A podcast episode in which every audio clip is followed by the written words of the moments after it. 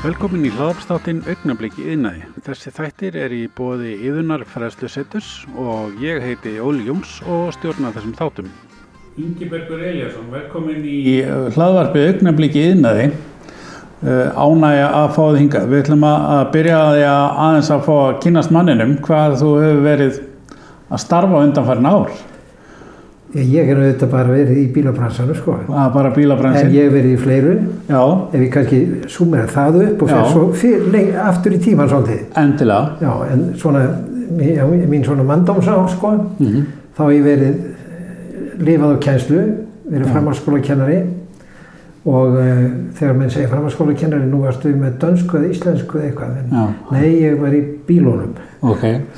Af því að það er orðið atvinnuvegur, það fjöldi manna sem hafa atvinna því að kenna bílaviðgerðir. Já. Ekki bara bílaviðgerðir, heldur líka réttingar og málun og, Já, og akkurat. ýmislegt sem tengist bifræðum. Sko. Nú það er nú, á þessu hef ég nú lifað og, og, og, eh, og verið sem sagt hérna í framhalskólum. Ég hef nú bara verið í tveimur framhalskólum hérna. Ég væri í skólanum í Reykjavík, Já. þáka til bifræðvirkjun eða bíladeildin þar var lögð nýður og flutt upp í já. og þar hef ég verið, var ég alveg þangað til ég laug mínu alltaf. og uh, það voru mjög ánægilega ár sko. Er það ekki? Jú, jú, margs að minnast. Já. Það eru þetta skín og skúrir í því eins og öllu Já, já. Auðvitað. og uh, þetta er nú, og tengt kennslunni Já, hefur þá verið námsefni skerð og ýmislegt svoleiðis. já, já. Nú, uh, ég hef líka haft svona, til hlýðar við þetta hef ég haft mikið áhuga á bíl, bílorðum og hef, hef hérna verið frá upphæfi í, í hóp sem við kallum okkur bílorðanemdin stopnaður um 1990 Já, þar sem við vorum að safna saman íslenskum orðum yfir íðorð er það kallað sko, hugtök og, og nöfn á hlutum og, og, og, og, hugtök, og verkefnum og eins og svona í bílunum akkurat. verkfærum og veit ekki hvað og hvað. Og uh, það hefur verið líka hefur hef, hef fundist það skila tölverðu Já, þar hafði fórustu Finnbói Eyjólfsson í Heklu sem margir muna. Já, og mér, alltaf þegar eitthvað er verið að tala um eitthvað um bílónur efni í hans nafn vegna þess að hann var uh, er sko einn af þessum sem standa upp úr þar og reyna að halda, viðhalda minningunni reyk mig þó oft á það að yngra fólk veit ekki hver Finnbói Heklu var Nei, nei. Nú þetta er nummer tvö, kennslan nummer eitt og svo hefur verið þetta starf um bílóðunendina og svo kannski mjög gildur þáttur sem hefur líka verið félagsstörf. Já, já. Ég eh, byrjaði svo sem krakki sko í skátunum og þá var félagsstarf og svo meira og meira félagsstarf, þó aldrei stjórnmál, þó ég sé hápólitísku maður sko, já. en aldrei verið í stjórnmálastarfi Nei. en var mikið í félagsstarfi innan gamla kennarasambansins sem var svo lagt niður 1996 líklega og þá var stofnað nýtt kennarasamband og var þar eh, fyrir talsmaður framhanskólakennara og í gamla kennarasambandin voru það mest sko verkmyndakennarar og Já, já. Leikfumskennarar og sem heita íþróttakennarar núna og Mhm. húsmæraskóla fólk og allavega og svo var ég áfram eftir að hefði íslenska kennarafélag og, og kennararsambandi gengur saman í eina sæng að þá held ég áfram þær í félagsstarfinu og, og var eh, þar, satt þar oft hef verið eh, einhvern veginn dinglandi þar í einhvern stjórnum sko Mhm. þó ég hef nú aldrei kannski stjórnan einu Nei. en það þarf einhver það eh, í öllu félagsstarfi þarf einhvern fólk til að til að, til að hérna, tala saman og já. framfylgja einhverju, einhverjum hugmyndum sem félagarnir fá og það þarf að fylgja þeim fram Akkurat. því að félagið er ju fyrir félagana það er ekki fyrir neitt annan Akkurat. nú uh, þetta er nú kannski En hvað kom til að þú fóst í, í, í kennsluna á sín tíma? Af hverju kennsla frekar en að vera bara að gera sjálfu við? já já, Næsta spurning. já, já Já. það er nú hérna en nú þannig að sko, af hverju fór ég í bílaviðgerðir kannski Já, já, ég mætti já. kannski Akkurat. hafa Af hverju byrjaði það já, af hverju byrjaði ég á því Já. Nú, uh, ég var svona bara bjóð mér í þessu í hverfinu hérna sem heitir Fossvogur Já. núna en það áður þegar ég bjóðar voru bara nánast engin hús þar Nei. og þegar ég flutti þá gæði ekkert bústaðakverfi Mm. og ekkert smábúðakverfi Nei, nei. og engin raðhús sem eru við tunguveg og réttalasveg og svona, þetta var bara sveit Já. og uh, það var einn bílaviðgerða maður reyndar í þessari sveit Já. ég er nú ekki, hann var mér aldrei neinn fyrirminn sko, en Nei. bara þegar ég, við erum að tala saman þá allt í henni skýtur hann upp Já. Hann hétt Jón Ársæll Jónsson hann rak hann svolítið bú var með nokkrar beljur og, eh, og hérna hugsanlega einhverja skjátur líka Mm. og uh, svo var hann með viðgerðir og það var ekki mjög frínilegur viðgerðastaður Nei. hann var sko þarna með fjós og löðu og allt það og síðan var hlað fyrir framann það var eins og oftir á Íslandi bara fór Mm. þar var hann með bílaviðgerðir Já, já. og, og sko það var stundum við talað um það heimi og mér bent á þetta er, þetta er ekki atvinnuhugur sem þú ættir að hugsa þér að fara í Nei. Bílaviðgerði, þetta er svona svo var hann óreglu samanblæsaði kallinn Já. og það var ekki gott þegar hann var í, var í þeim gýrnum sko en alltaf það svo uh, fór ég hérna í, í, í skóla, við varum í lögunaskólanum þar tók maður, fór maður alltaf með skólabíl Já, já. og uh, sem Gísli Eiríksson óg sem var, var þekktur maður hér áður fyrir sko og uh, svo lög lögunarskólanum og uh, síðan fór ég í réttó réttáðarskólan Já. og, rétt, og þá var verið að hann var stopnaður bara árið sem að ég fór í réttó þá var meira að segja ennþá verið að byggja réttarskóla húsið Já. þannig að kennslan fór fyrsta árið fór hún fram í Víkingsheimilinu félagsheimili Víking sem var hérna við Hæðargarð Já. núna er það eh, fyrir eh, hérna, félagsheimili eldri borgara Já. Sem er mjög viðeigandi þetta því að allir eldast er þessir, þessir vikingar og fyrsta veturinn var ég þar og svo annan veturinn var ég upp í nýja húsun og þá var það tekið í, í gagni sko. Já, já. það eru sem sagt liðin e, góð 60 ár síðan þetta var sko. Mm. 63-4 ár Og hvernig er bíláhið í réttu? nei, hann var ekki Nei. voru, það var hérna, það var á, þetta voru mest áhuga málinni þar og voru mest ábyggilega handbolti og eitthvað þannig. Mm. Hálóland sem var hérna við, við Suðlandsbrautina, það var steinsnar að lappa yfir úr hverfinu og yfir í Hálóland og, og, og kvöld og veturnar var, voru leikir og svona þannig að þar var, var hérna, fjö, það var eiginlega félagslífið sko. Nú, uh, svo þegar skólan lauk þá hafði ég fengið, mér, fengið sumarvinnu hjá, hjá Ravitónum og var þar á lagarnum og, eh, og e, vildi bara vinna. Eins og margir strákar þessum aldri sko, 14-15 ára vilja bara vinna. Og svo e, þegar sumarvinnunni líkur og þá hérna þá fór ég að ætlaði ég að, að hérna bara vinna áfram. Mm. e, verkstjórin á, á, á, á lægurnum sem heit Þorgeir Jóelsson já, já, þú er ekki að fara með föðunarnið hann kallaði allan hópin að það var fullt af skólastrákar þarna fyrir og sagði, já, já, strákar nú er komið að, að uh, sumarlokum og nú þurfum þið að fara að hugsa ykkur um hvað þið gera. Og þá fór þið, hvað ætlar þú að gera? Endan á einn og hann sagði það sá náðungi var að setna óperu söngvari. Nú svo hvað þarf þú að gera, sagði hann og bent á næsta. Já, ég ætla hann bara í mentó og verða stúdent og svona. Hann var síðan listfræðingur og talaði oft í útvarpið frá útlandum Já, já. og, eh, og hefur verið númer í þeim efnum. Mm. Nú, eh, ykkur voru fleiri sem mann og ekki að nefna en svo spurði hann mig, hvað ætlar þú að gera, Ingebergur? Já, Ég, ég ætla bara að vinna hérna hjá þér í vetur. já.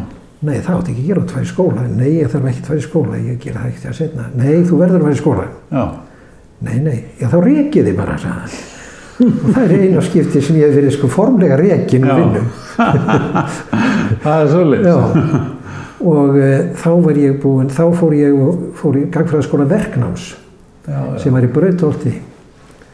Við hliðin á þessum Þorskafi var og Mm. Kistufell sem var bílaviðgerra fyrirtæki. Já. Og, eh, og hérna innkauparsamband Bóksala var þar með stóran lager og, og svona, þá var mikið líf og fjör í Brautholtinu. Nefnum það var ágættur skóli og ég fór í málminnadeild sem það var og þar lærðum við að, að hérna var kenn málmsuða og meðferð á plötur og plötum og svona og kent velfræði og teikningar og þýlikt og var þá, þá verður einu undirbúningur undir já, Þannig að þeir sem að fór í gaggraðskóla verknáms, þeir voru þar með búin að ljúka fyrsta árun í yðskólanum og þurfti ekki að taka fyrsta bekkin sem þar var. já, já. Nú, margi vunnu með skólanum sko og yfir skóla vinnu. Og þar maður var eitt félagminn meðal annars sem að hann, eitt morgunni kemur hann og segir, já, já, ég er búin að fá vinnu. Og hvað vinna er það? Ég er að vinna hérna nýra á vestæði, hérna fyrir neðan, sem heitir Vélavestæði Þóttn Jónsson og Kó og ég er þar að rífa mótor og svoleiðis. Jakkur anskotin, hugsaði ég, fekk hans þetta. Já. Þetta er djobbið sem ég vilja fá, því mér vantar öyrinn og, og hérna svo, og ég heyrði á honum sko að það var eitthvað að strákum þarna sem voru að vinna við svona á þess að ég vissi nákvæmlega um hvað þetta snýrist sko. Nema hvað að ég segi við mömmu, heyrðu Vélavestæði Þótt Jónsson var ekki verkstjóðar, var hann ekki Þórun sístir að passa börnina, segti hann. Jú, jú, blessu hringdu í konuna fyrir mig, sagði ég. Og spurðu hvort þið geti ekki tekið strák. Já, og hún ringir í konuna, þær voru svo málkunnugar. Já, og, eh, og hérna jú, jú, það gæti gengið. Og ég fekk þessa vinnu og þá var hinn hættur því hún leist ekki á blikun og hann fannst þetta svo sóðalegt og, og ómulegt. Hann var sem sagt væri ekki innstiltur fyrir þetta. Nei, hann fór hins vegar að lærði bliksmíði og var síðan eftir það hættan og var félagsáðgjafi og já, mjög farsæll í sínu starfi. Já, það var nú reyndar æskufélagi minn. Nú, nú e, og svo mæti ég þarna fyrsta daginn og þá var, kom það ljósa verkefnið sem að eh, máli snýristum var að taka við bílvélum eins og þeir lögðu sér bara og rýfa allt utan að þeir og þeir allar bara í tætlur, í spað. Og e, síðan þegar því var lokið að spaðaði niður og raðaði með eitthvað korfur þá fáru þær í eitthvað stórt kerald, reysastórt það var svona svona eh, hvað ég maður að segja eins og tvö, þrjú fiskiker það var það stórt og í því var blanda vítisóta og vatni og þar voru vélarnar settar ofan í og affitaðar þannig að það var engin leið að ná róhrinnandunum öðru sig af. Og þar voru þær hafðar yfir nótt það sem maður hafði reyfið í sundur yfir daginn. Mhm, og þær voru settar svo í, í pottin sem var kallaður. Og svo við morgunin þá var pottin rofnaður og allt tekið úr honum og, og sett í stórt kér og spúlað með gufu og heitu vatni og e, jáfnvel þurfti að kústa þér ennþá betur eftir það. Nú e, fyrir þetta var borga mér minnist að það að, að vikukaupið það var sko ekki, það var að því ég var nú setna svona í verkalýsmálum var ég nú bjóða sig þá það var bara þá var bara Þórir yðnistarinn sem var rakvætta Þórir Jónsson sem var jafnvægt mikil skíðakarpi og káringur og félagsmálamaður í, í bílabransanum og fleiru hann hérna var með litla bók í neðstu skúfunni á sér og því ég kom og spurði, já, já, komið útborðum, já, já, já, Ingebergur Vind sagði það komið að því, hérna gerur svo 500 krónur. Það var kaupið, mér þótti það mikið. já, Og það var skráð í bókina og sett í neðstu skúfu. já, Þetta var svona bókald sem ekki væri alveg til sínis. nei, Það var allt mikið frjálslindar á þeim árum. já, já, Nefna hvað að, að eh, ég hefði auðvitað ætlað mér eitthvað annað. Pappi hafði talað við einhvern mann sem að var þekkti til á Englandi, hann hafði verið í ennska flotan og hann sagði að það vantar rafnindavirkja í flotan en eh, hann ætti að fara þangað til einhvern og læra það. já, Svo fekk ég þá grillu sjálfur að ég þyrfti kannski að kannski vilja læra læra hérna tannlækningar en þá þurfti stúdinspróf svo ég hafði það ekki. nei, En svo þegar náminu lauk í verknám, gagfræðskóla verknáms, þá bara held ég áfram þarna. Mhm, auðvitað. Og hérna, þetta hefur bara svona kveikt áhuga. Já, þarna var bara, já, svo þetta kynnismæður strákonum á vestæðinu og fyrir að tala við þá og, og þegar maður kemst inn í, sko, maður er komin inn í einhver rútínu, Já, já. ég hefði alveg geta fengið að sópa spæni á einhver verstæði, farið í kynstrákonum og þá hefði ég líklega orðið trésmiður, sko. Já, akkurat. Eða fengið að vaska upp í eldhúsi einhver staðar, Já, en bara því ég fór að inn á þennan stað að rífa sundur mótora, já, þá svona innviklaðist, maður inn í þessa fjölskyldu sko. já, akkurat. Eðlilega. og þannig, og síðan fekk ég námsamning Já, og svo auðvitað tók við í skólinn og allt það já, og þarna á vinnustæðinu voru margir öndvegismenn og einn var nú til dæmi sem að ég lærði mikið af Mm. heitir, og er, er hérna hann er nú svona 10 ára meldri ég eitthvað svolítið 85, 6, 6, 7 ára. Björn Steffensen hann var, var hér mjög farsælt maður lag bílabifriðastillinga Björn Steffensen og, og hérna og hann var þarna, hann hafði farið í Vestlunarskólan og, og, og lendi í slísi og, og misti svo mikið úr skólanum, hann bara ákvaða að söðlum og fara bara í bifriðavirkjun. Ég veit nú ekki hvort ég má vera að segja frá því en það vakti nú ekki hrifningu fjölskylduna, fjölskyldina sem var voru endur skoðandur mann fram á manni að hann færi í bílabransan en, uh, hann var, en hann var maður sem var, sko, var opinn fyrir mikil í þekkingu Já. og sem dæmum um sko, hvernig, hvernig tæknin var þá Mm. og þekkingin var svo að, að það var til ein alvöru viðgerðabók á þessu vestæða sem unnu 20 mann sko. og það voru gerðar upp 15-20 bílvélar í hverju viku Já, já. þetta var bara eins og verksmiðja Já. Það er ekkert annað. Já, það voru fjórir menn í að bara skrúfa mótorna saman þegar ég byrjaði þarna mann ég. Já, já. Og svo voru menn sem voru í ákveðinni vélavinnu það þurft að, að renna sveifar ása og, Já. og svona nokkuð. Nefn að Björn Steffensen hann, ég hendist auðvitað honum að því að hann var, var, var klár nági sko. Mm. Það var, var reglumadur og, og akkurat og, og alltaf hreitn og fítn og allt þetta og, og það er mikið atrið fyrir krakkar sem er að byrja í svona bransa að kynnast almennilegu fólki sko, akkurat. og sjá fyrir sér svona og meðal annars kynnt hann mig fyrir sko, tækninni gegnum það að, að, að hann kynnti mig fyrir tímaritið sitt Hot Rod Magazine Já, já. og ég gerðist áskrifenda því tímariti Já, og ég meiri sér á fullt koffort af gamlum Hot Rod blöðum já. Sem ég hef ekki skoðað í mörg mörg ár. Nei. en þetta þýtti það að ég fekk þessi áskrifandi þessum blöðum. Hann var áskrifandi þessum blöðum og við höfum ímislegt að ræða um Já, já. úr þessum, þessari lesningu sko. En komið aftur að, að tæknin á vestæðinu þekkingunni að þá var þar til ein viðgerðabók. Mm Auto, uh, auto Repair Manual hétt hún. Hétt bara Auto Repair Manual og hún var svona hvað var að segja, hún hefur verið svona 10 cm já. og hún var um alla ameríska bíla Já, sem þá voru í gangi Mm. og sem að koma sér vel því að bílar á Ísland á þeim tíma voru yfirgnæfandi ameríski bílar Já, já. og uh, það var svo mikið af þeim að Þórir sem að hafði sko, Þórir Jónsson þessi sem að rækvestæði hann hafði farið til Ameríku og einhverjum, einhverjum árum áður en ég byrjaði þar kannski ekki mörgum, ég veit ekki nema hann hafði farið, farið á, á, á bílakirkjugarð í New York eða New Jersey eða eitthvað starf og keift bílvélar bara í, í, í, í tugatali Já, já. sem voru búið að taka úr svona skrott Já. sem var búið að taka úr ónýttum bílum. Bara til að nota í varaljuti? Já, þetta var svo flutt heim Mm. og svo eftir því sem var, sko, hvernig var að gera á vestæðinu, þá var þetta að fara í haugin og sækja vélar, taka þér sundur, gera þér upp og hafa þér tilbúnar. Já, já. Og e, það er, Niður. já, já, ímislegt í kringum það. Já, ég skal trúa því. Eh, Varstu hérna lengi hjá honum?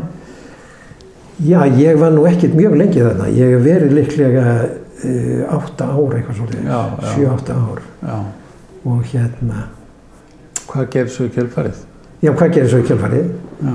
Svo flytur verkstæðið inn í skeifu hérna, þar sem Sveitn Egilsson er núna. Já. Þeir voru þar og, og núna er í húsnæðinu uh, A4 eða Já, eitthvað, eitthvað svona. einmitt. Nefnum það er flutt þangað í nýtt hús Já. Og þátt að vera hannað sérstaklega sem, sem hús fyrir þessa starfsemi. Og Íslandingunum rétt líst. Björn Steffensen þessi nefndi á þann, hann laði tölvöld mikla vinnu í að plana verstæði, hvaða hlutir átt að vera þarna og hver átt að vera þarna, svo framleiðslu ferlið, maður kalla það, gengi réttar, réttar, réttar umferð, sko, réttar leið, eins og er í flestum versmiðum, það verður alltaf að vera í, á færibandinu, sko. Nefnum svo þeirra flutt, að þá var til dæmis það var eitt stórt tæki sem að, sem að var notað til að renna sveifarása. Og eh, maðurinn sem vann á því tæki var mjög fær á þetta og, og gaman að ég stóð oft við hliðin á honum og fekk að horfa á hvernig hann fór að. Já. og meðan við vorum á gamla staðnum þá meira sé að komst ég í það sjálfur að, að renna sveifarása þegar þessi snillingur vektist og það þurfti að og ég var þá komin í það ennbætt að gera upp vélar Já. og vandaði sveifarás í vél sem var að gera upp og ég bara var að renna hana sjálfur Já. það tók tóa þeirra daga sko, fyrst í sveifarás og svo var það skemmra og skemmra sko. Nema komandi aftur að hinn og björn skipulaði allt og svo átt að flytja inn og það voru kranabílar og græjur að flytja inn tækin og eh, og þá kom maðurinn á sveifarásvílun og sagði hvað á ég að vera hér já já þetta er nú þessi svona, þá, þegar búið að þú að sveifar og svona þá ferð þú hér svo fara þér þarna og þannig Nei, ég vil vera þarna, sagði hann, bendi út úr hotni ástæðar. Hann vildi vera ótröflaður auðvitað út af fyrir sig. Já. Svona voru Íslendingar sko og svo Já. riðlaðist höfð allt meir og minna í innreitingunni fyrir þetta. En alltaf það, ég var á einhverjum tímapunkti fannst mér ég verið búin að hóna nóga þessu. Ég var búin að ná þessu sem að gera það sem að ég var spenntur fyrir þarna og, og uh, svoleiðis að ég ákvaða að svo ég ákvaða að, að söglum og ég svo auglýsingu í blaði Mhm. og frá stórfyrirtæki sem vildi ráða verkstjóra Já. og ég held að það hafi ekki verið neitt það var engin sko, ekkert hvaða fyrirtæki var bara stórt bílainflutningsfyrirtæki fyrirtæki vildi ráða verkstjóra Já. ég veist að anskotni, ég hlýtt ekki að það var verkstjóri svo Já. ég sendi um svo og svo fekk ég svar og sagt við erum að mæta á Suðurlandsbyrð 14 Já. þá var það fyrirtæki sem hétt bifriðar og landbúnaðvélar á þeim tíma Akkurat. þeir fluttu inn sko bíla í massavísi alveg. Það var nefnilega þannig, Íslendingar gerðu eitthvað tíðan á árunum 55-6 á Þorskastriðin og því þá, þá fundu Íslendingar markað fyrir fisk í Rúslandi og, og kefti bíla í staðin. Já. Og þegar ég heyrði menn segja, já, bílar frá Rúslandi, þetta er ónýtt rasl. Já, þeir eru álíka svona eins og þessu úlni fiskur sem við sendum til Rúslands. Svo það er ekki, þetta er allt jæmt. Nefnum hvað að, að ég sótti um þarna og, og, og ég var ráðinn þarna í, í vinnum til að stjórna þessu verstæði. Það var, hafði einn maður verið áður með þetta verstæði og ég veit nú ekkert akkur hann hætti en þetta var, þetta verstæði var meir og minna sko standsetning á bílónu sem var að koma og viðgerðir á svona helstu göllum sem kom og það var nóg af þeim. Já. En það var einlega engin almennileg verstæði starfsemi. Hvað var þetta? Volga? Hvernig bílar var Þetta voru Moskvits rosa Já. gas og uða seta hétt við og, og Volgur setna Mm og svo var mann eitt í tveimur sem héttu Saporosett mm. loftkjældi með vélina aftur í Já, já. Já, já, það, ég kann sögur þá alla það, Já. Ég oft verið að hugsa um ég ætti kannski að safna þessum sögum bara saman og svona smá anekdótum sem ég mann Já. en allt um það að þarna fór ég að, að vinna og byggði upp þetta vestæði að ég tel. Það, það er svona mig var það, heyrðu þetta vestæði það þarf að koma út á núli Já. við viljum ekki græða þessu og við viljum ekki tapa þessu. Nei. það koma út á núli Mm svo ég bara lagði áherslu á það að reyna að halda starfseminni þannig að, að hún kæmi út á núli mm. sem ég held hún hafi gert til reykjata venn verstaðin í dag. Já. undir búin að sleppa og Já. milli. Nema hvað að, að hérna og svo fór ég að ráða menn. Það komu menn þarna og ég, ég hafði lællinga við þetta. Ég var með yðmistar réttindi komið með þau og, og fekk mér lællinga.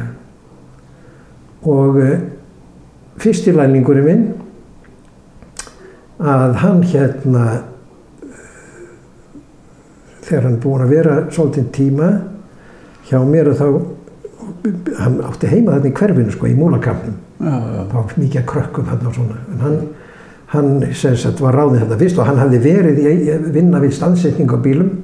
En svo þegar hann var farið að reyka verstaði þá vildi hann komast á samning og hann fekk það. Og svo einhvern tíma sér hann heyrðu, Helgi Björgur þú ættir eiginlega bara að fara að kenna bifilverkjun Já. nú er ég ekki að því hérna, nei ég á ekki við það sér hann það er ábyggilega vantar ábyggilega mann upp í einskóla til að kenna. Heldur það ég. Já, já, þú ræður alveg það. Og þá kviknaði hérna í höfðinu á mér eitthvað. Kannski er þarna eitthvað nýr vettvangur til að pröfa. Já. ég fór og, og og hérna fór upp í einskóla. Mm. Hitti þar kennaran sem var þar í, í kjænslu og er, var hérna gammal bifilverki sem hafði fengið þessum flugu höfuð að verða kennari Já. og farið með þessi erlendis í smá nám í kringu það. Og hann heitir Sigfús Sigursson og er ennþá lífandi Já. í hárri elli. Já. Hann, ég held hans í 130 ára gammal. Já, það er ekkert annað. Svo lesa, ég fór og talaði hann Já. og já, já, hann, hún leist ekki dýla á þetta svo sem að ég myndi pröfa þetta. En talaði við skólamestara, eða skólastjóra, það heitir skólastjóra þá. Mm. Skólastjóri Eðskólas í Reykjavík var, var hérna Þór Sandholt, arkitekt. Og uh, maður hátt skrifaður sko í bæjarlífinu og í bæjarstjórn og þetta það er bæjarfulltrúi. Ég held að það veri bæjarfulltrúi frekar en borgarfulltrúi, ég held að Reykjavík hafi verið þá bæjar en ekki borg. Á honum leist ekki alveg á þetta. Uh, hann átti oft erfitt með að taka ákvarðanir vindar. Já, já. Nei, ég veit ekki hann. kannski og og svo er auðlýst í um, um sumarið að það sé veittur styrkur til náms á Norðurlöndum fyrir þá sem vilja læra að verða yðinkennarar og ég sæki um myndarmálaráðinu og hvernig sem á því stóð þá fekk ég hennar styrk og eh, og ég veit að þetta var í Svíþjóð í Gautaborg. Það kom í brefinu sem ég fekk tilbaka frá þeim að það hefðu 1290 eitthvað mann sótt um, um, um hérna um níu, 90 pláss Já. á þremur stöðum, það voru þrýr skólar í Svíþjóð sem kendu þetta. Og, og ég væri tekinn þar inn úr þe- inn, einn þessum hóp sem special elef. Það segðu þeir til þess að sko það er ekki leiðindi heima hjá þeim að þeir verða að taka útlending í skólan Já. Fyrir framann einhvn annan sem hefði kannski átt rétt á að fara heim Mm. en allt um það, þetta var mjög alvarlegt mál því ég kunni ekki eitt, eitt stakt orði í sænsku. Og ég fór og náði, fann einhvern mann sem vildi taka mig í svona hraðkurs í sænsku og gerði það. Ég veit ekki hvort ég lærði nokkuð að því. Nei. eitthvað kannski. Og svo fór ég bara til Svíþjóðar í nám. Já. fór í, það get Yrkespedagógisk Institút já. þessi, þessi, þessi skólar sem að kendu verkmyndakennar. Var þetta langt nám? þetta var eins veitra nám Já. þetta voru 30 námseiningar þetta er svona eins og eitt háskóla sko. Akkurat. en það var mjög, mjög hvað er maður að segja, það var mjög svona markvist Já. þannig að það var mikið bæði í skólanum og, og kennslu undirbúningur og æfingakensla Mm. Þannig að, að já já. Fyrsti dagurinn auðvitað eins og alltaf þegar kem, lendir í ykkur þá fyrsti dagurinn alltaf vorulega minnistæður og ég fór þarna nokkrum, nokkrum dögum áður kannski halvum mánuði áður að var ég búinn að útöðu mér íbúð á stúdendagarði og, og svona. Það var nú ekkert net þetta verður auðvitað núna. Já. þetta var aldrei flókið mál. Já. En uh, ég fann þarna íbúð og gerði samning um að leia hana og þetta átti ekki neitt inn í íbúðina. Nei. Eina sem ég átti var það, ég, jú, ég fór og sá í blaði auðvitað sjómarp, ég kefti það vegna þess að það var mín leið til að reyna að fá liðkast svolítið í sænskunni og horfa. Akkurat. Já. Nefna svo fer ég fyrsta daginn, mæti í skólan. Ég veit að vissi hvað skólinn var, að ég var búinn að fara og skoða nágreinið og kortleggja þetta allt saman. Já. Og uh, ég kem þarna inn og þegar ég kem inn að þá eru þar 20, kannski 25 menn. Við minnir að vera ein kona í Já. hóknum. Mm. Og uh, þeir sátu í sal og byði þarna. Og ég lítast um og ég, þetta líti aftast er get ég verið, hvar get ég falið mig fyrir þessu liði. Já. En það var ekki hægt, það var sætin í miðjum hóknum. Já. Svo ég var það að fara og setjast þákað. Já. og einhverju hlýðin á mig fór að spyrja mig eitthvað og ég, ég man ekki hvernig ég snýri út úr því. Nei. Nefnum svo kemur einhver maður inn í salin, sér snakkarlegur kall Já. með geithafur skegg og fyrir ávarpa hópinn og ég veit, veit ekkert hvað hann er að segja. Nefnum hann byrjar á því að, og, að hérna, segja nú ætlum ég að byrja ykkur, ég veit að sagði það, að því að það sem gerist á eftir sagði til um það, nú ég að byrja ykkur að kynna ykkur. Já. og það fyrsti stóði upp og hann kynnti sig og svo næsti og svo næsti og svo næsti og ég bara, vá, nú er nú, það. Er eina skipti æfinni sem ég óskaði mér að sökva yfir gólfinu. Og svo var ég byrjaði að reyna að semja eitthvað hvað ég ætti að segja. Já, vissi ekkert hvað ég ætti að segja. Svo kom að mér og ég man ekkert lengur hvað ég sagði. Nei, nei, en hann, ég veit að hann sagði að þetta væri nefandi frá Íslandi. Og, og ég sagði hvort ég sagði hvað ég hét og ég væri frá Reykjavík á Íslandi og eitthvað svona já, og ég sá allir þessi andliti kringum mig. En svo þetta bara var ég að gera svona læra sænsku eins og læra allir lært út fólk. Já, já, það læri tungumáli en það sem þeir eru hvort það er Danmörk eða jáfnvel Fraklandi eða eitthvað. Og svo sem ég bara lærið sænsku. Já.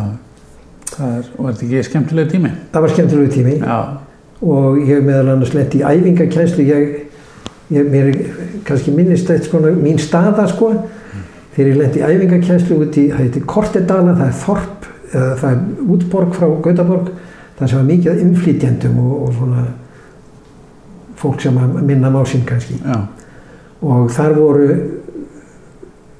eintómistrákar þeir tók allir, brúkuð allir snus mm, tók í vöruna. Já, og eh, ég man einu sinni kom ég að einu þar sem að lági við skellinörun og var að þef upp úr bensíndagnum sko, og svona. já, en e, mér var mjög vel tekið á þessu strákumallum já, ég reyndi að kenda á tveimur svona. Mm, mér, mér var mjög vel tekið og að því ég átti að vera með bóklega kjenslu og reyna að halda þeim vakandi yfir því já, sem var nú ekkert mjög gott. Nei, en e, fekk þá hjá kennaranum þeirra útlutað ykkur verkefni sem ég átti að undirbúa og svona. En þeir hafa trúlega sko átt að sjá því að ég var svona aðskota dýr í samfélaginu eins og þeir já, sjálfur já, já, ég og tóku mér þess vegna vel.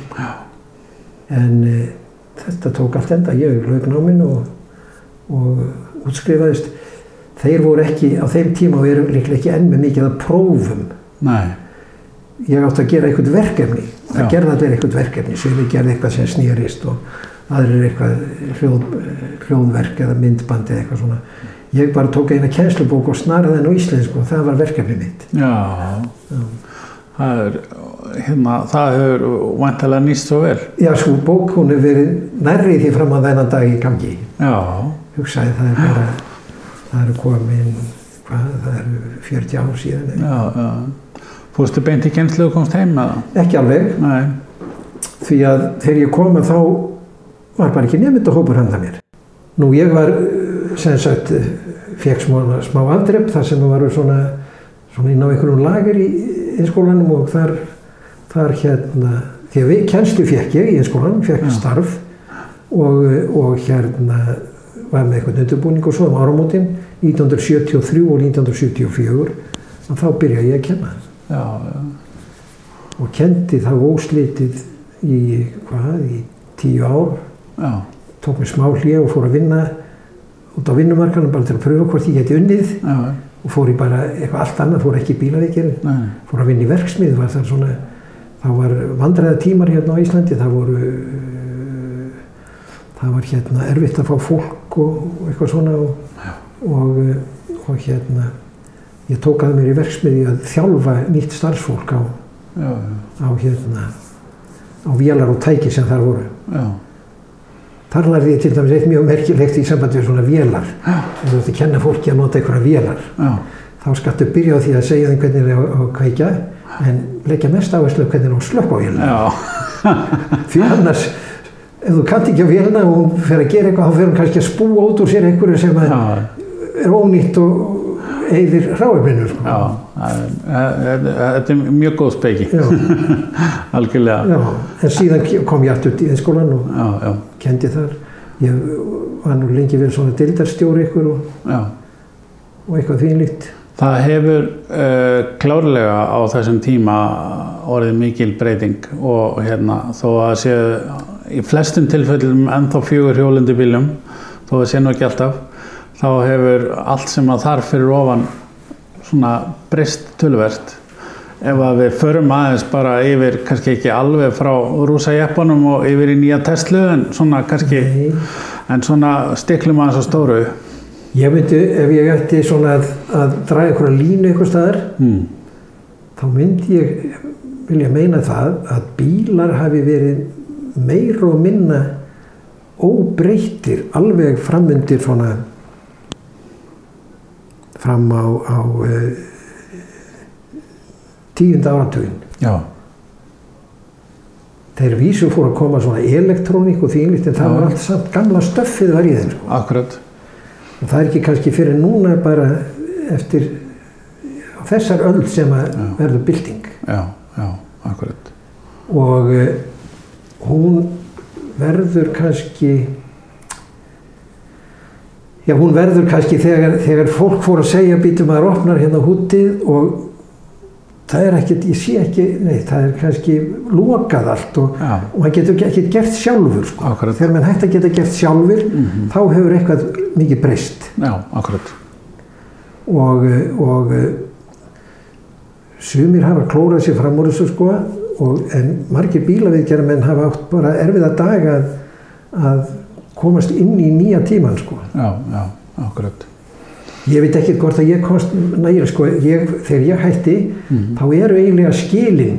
Já, þannig að ég hérna að það voru bílarnir orðið þannig og að maður gætt spurt á þeim hvað spurt á að því hvað gengi að þeim sko. Mhm, og, eh, og svo lesum við þetta enn. Já, en, en hérna en eh, og viðgerðirnar voru meira og minna orðnar sko einhvers konar skipti á einhverjum hlutum. Já, akkurat.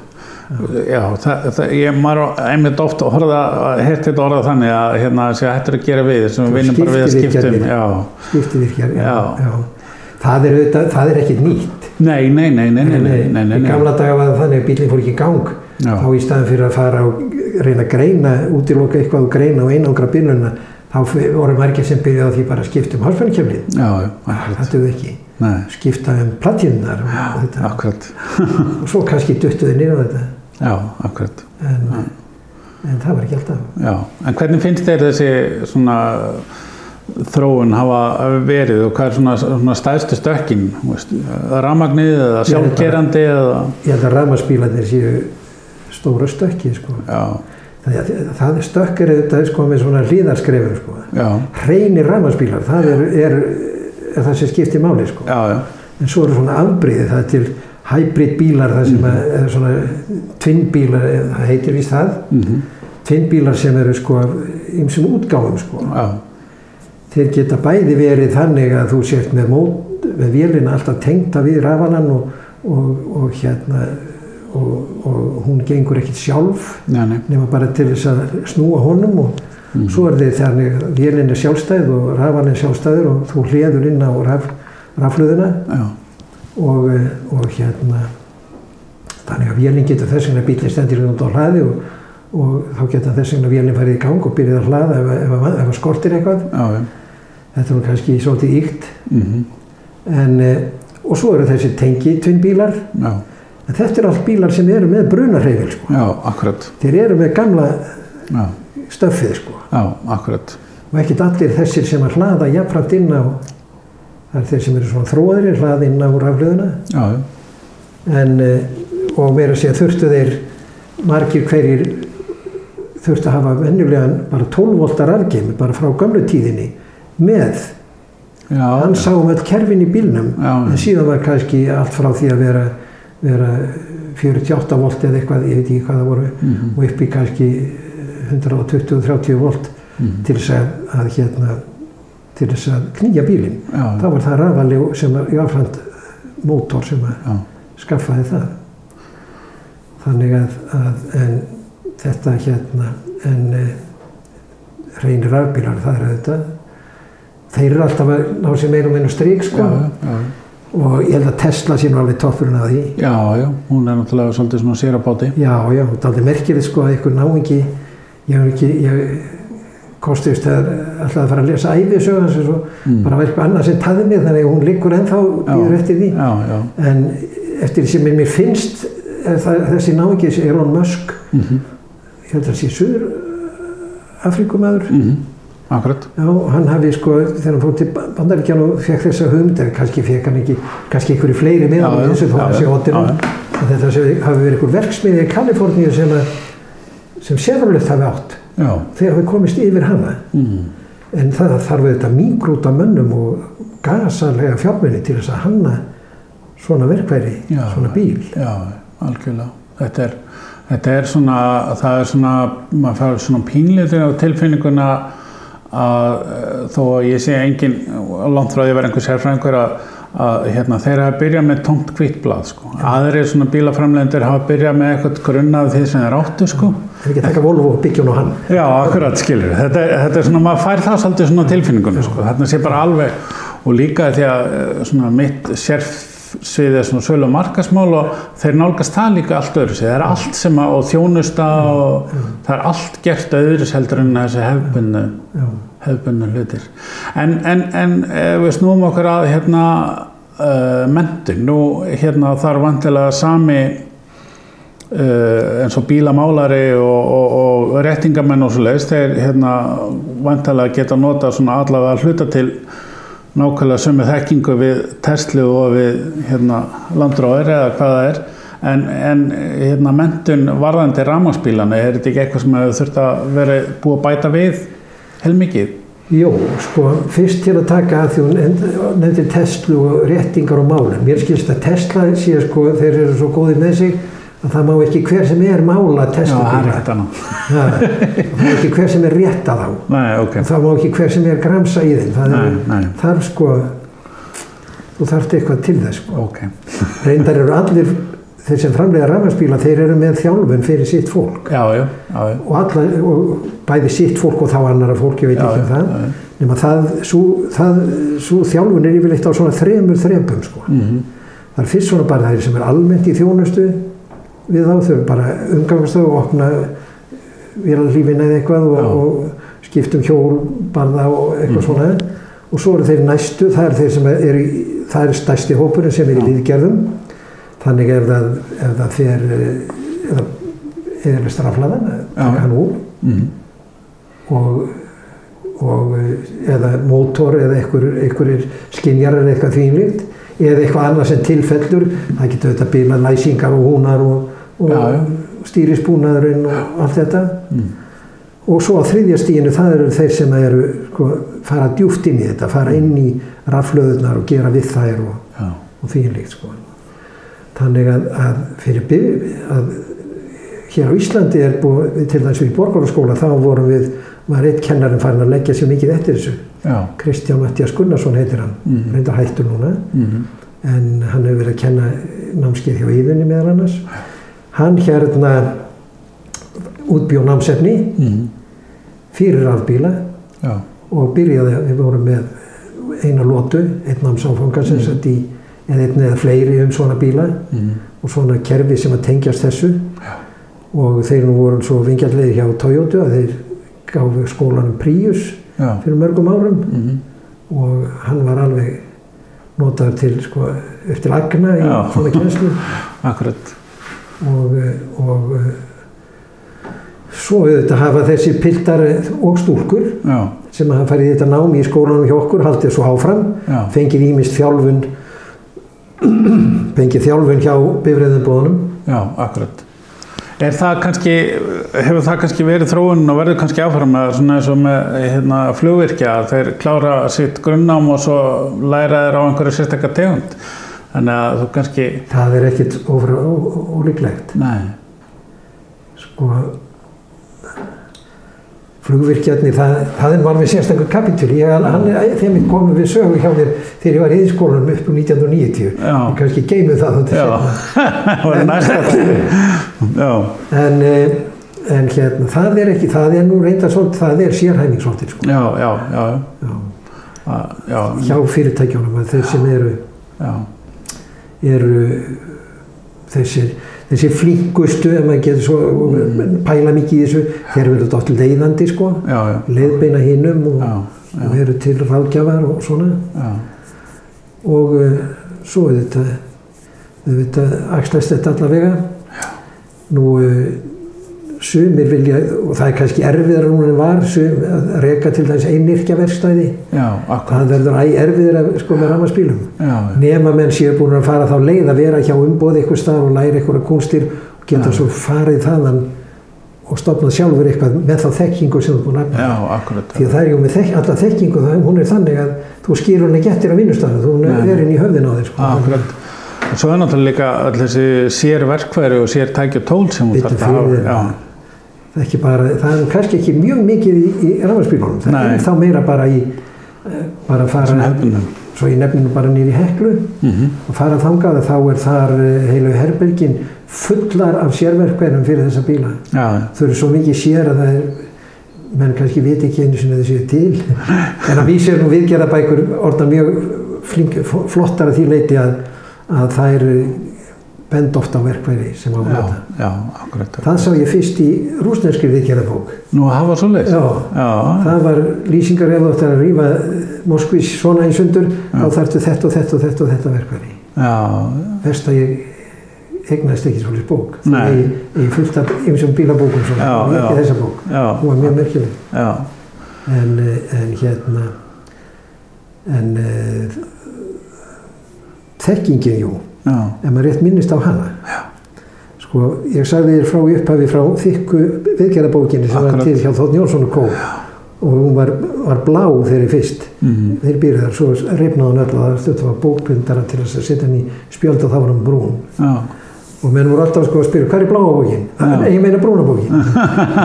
en allt um það, núna er, er, er sko viðgerða orðin þannig að þú gerir ekkert að hyggjuvitinu, þú eiginlega verður að fletta því upp að sjá já, hvernig liggja þessar rásir, já. hvernig ná að taka þetta í sundur já, og á að gera það í þessar röðu eða hinni röðinni.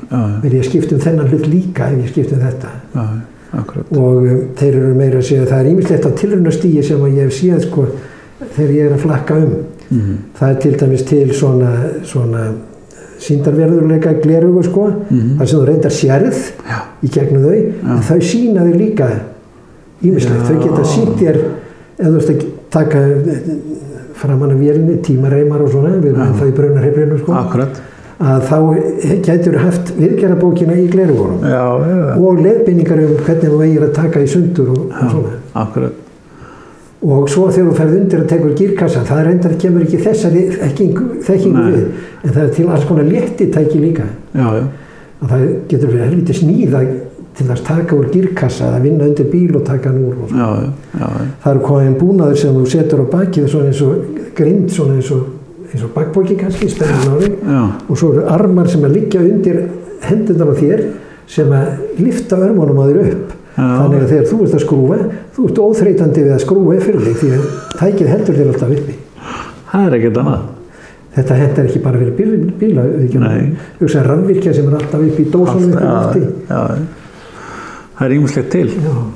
Þessi hérna, þróun og breytingar sem að hafa orðið á, eins og talar um sérstaklega á þessari öld finnst þér ekki þú, þú tekur þessu fagnandi jákvæði þróun og skemmtileg Já, ég er ekki maður sem best við sínda móti strömmnum, það get ég ekki. Nei, akkurat, Ég það er berast- sumir þannig Ég læt berast með strömmnum. Já, akkurat Já, já, menn vilja margir fara bara aftur. Ég hef séð hjá Amis fólkinu, það er svona. Já, já, Þeir synda á móti strömmnum og eru bara Já. efstu upptökin og fara bara sínum hestakernum akkurat og hafa ekki einu sinni tölur til að neppa fjöldunum sínum. Nei, nei, nei, nei, akkurat En, eh, en hérna, sjálfkerrandi bílar auðvitað framtíðin og þeir Já. Teslan er sjálfkerrandi, Já, já, algjörlega. Þú getur látið hann keira þig, menn auðvitað farið flatt á því, já, já, en eh, maður auðvitað ekki að horfa einblíð á það, nei. Heldur verða þeir sem að nota svona tæki, þeir verða verða að tilenga sér þau vinnubröð sem Já, tilheyra þessu tæki sem er að nota sko. og má ekki skilja skynsemin eftir heima. Nei, nei, nei, nei. og uh, þeir eru, ég held þeir séu flestir, ég, hvort að Tesla var búin komin yfir það stig að þú þurftir að halda við stýrið.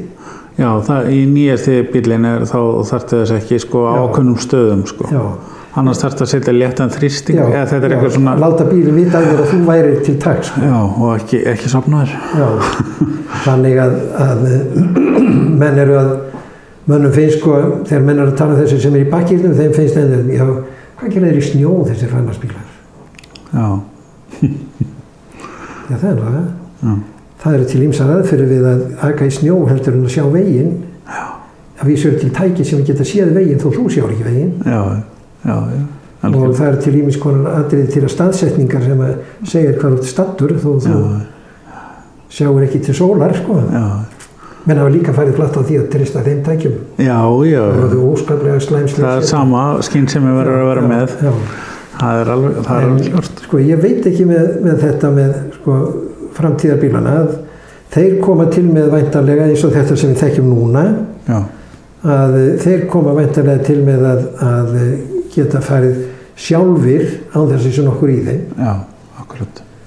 og uh, þá það verður mikil breyting þá á, á, á hérna, umferðinu og fílíku. Já, og það er kannski aldrei merkið þessi tímar sem við lifum núna það sem að allir staldra við og hugsa sitt ráð og vera heim hjá sér. Já, hér er kannski tækjafæri til þess að, að stíga inn í einhvern nýtt skref í umferðarmálum og fílík mhm, til dæmis það að, að með sjálfvækandi bílum að þá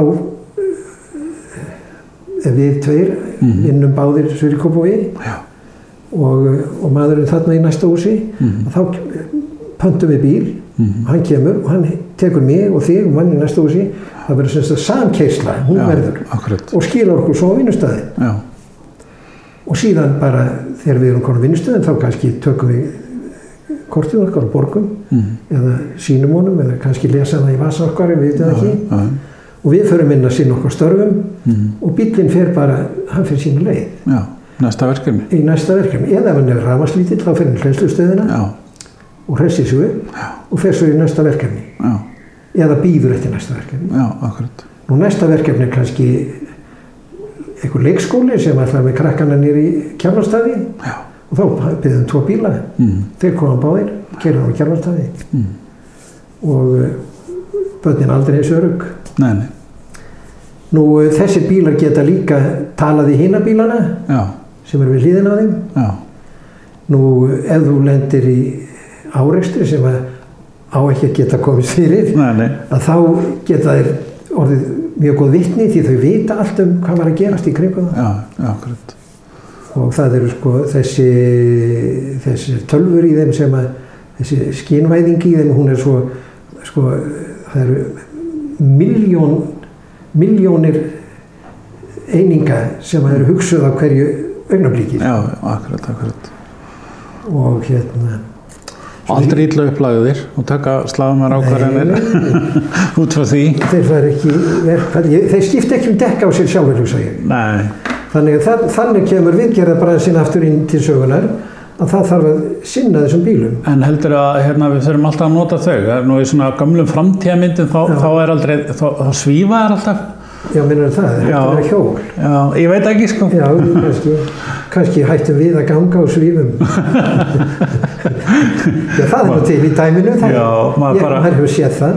Að því að, að því við erum alltaf reyna að spara orku og maður ímynda sér allavega í dag þurfið svo mikla orku við að sleppa jörðinni að ég held að þetta passi ekki saman allavega ekki á næstinni sko. Það er þetta með orkuna, sko. Já, Það var, hann hétt Tesla, já, sá sem áttaði sig fyrst, sem var komið einhverja almennilega hugsun í þessu. Hann taldi það að það væri hægt að, að beisla orku bara þessi já, já, og það væri hægt að senda orkuna. Já, og hann, hann hérna, gerði eins og merkilega tilraunir þannig að Mm. vakti skelvingu fólks þar sem hann var með staðar í Colorado held ég að verið sko, það voru stundum svoleiðis þrjumöndar og eldingarnar og hafaðin frá tilraunastöðina sem fólki stóð ekki að sama. Já, en hann skildi ekki eftir sig. Nei. öðruvísi en það að kannski skildi hann eitthvað eftir sig og það að því að við erum alltaf mjög hrifin að samsærum hugsanlega hafi einhverju tekið alla Já. á þeim einhvers staðar. Já, það getur verið, maður veit ekki. Já, ég meina ég get hlaðið síma minn þráðlöst, þannig að Já, þökk sé Tesla Já, þannig að eh, veist, þetta getur, eh, þarna er orkan að fara á milli, þannig að hérna, þetta er, það er ímislegt. Já, já. Það er, ég held að sé á þetta sé þessi spennandi en, e, tíma framöndan, en spurningin er bara hvort að breytingin, ef við stökum bara tu- næstu 25 ár, sé meiri heldur en hún var síðustu 25 ár. já, Heldur það ekki? jú, Já, heldur líka. ég býst við því það er, þetta er allt í veldisvexti allt sem að gerist er svo leiðis. Já. Veirurnar eru í veldisvexti, Já, það er allt í. Já, akkurat.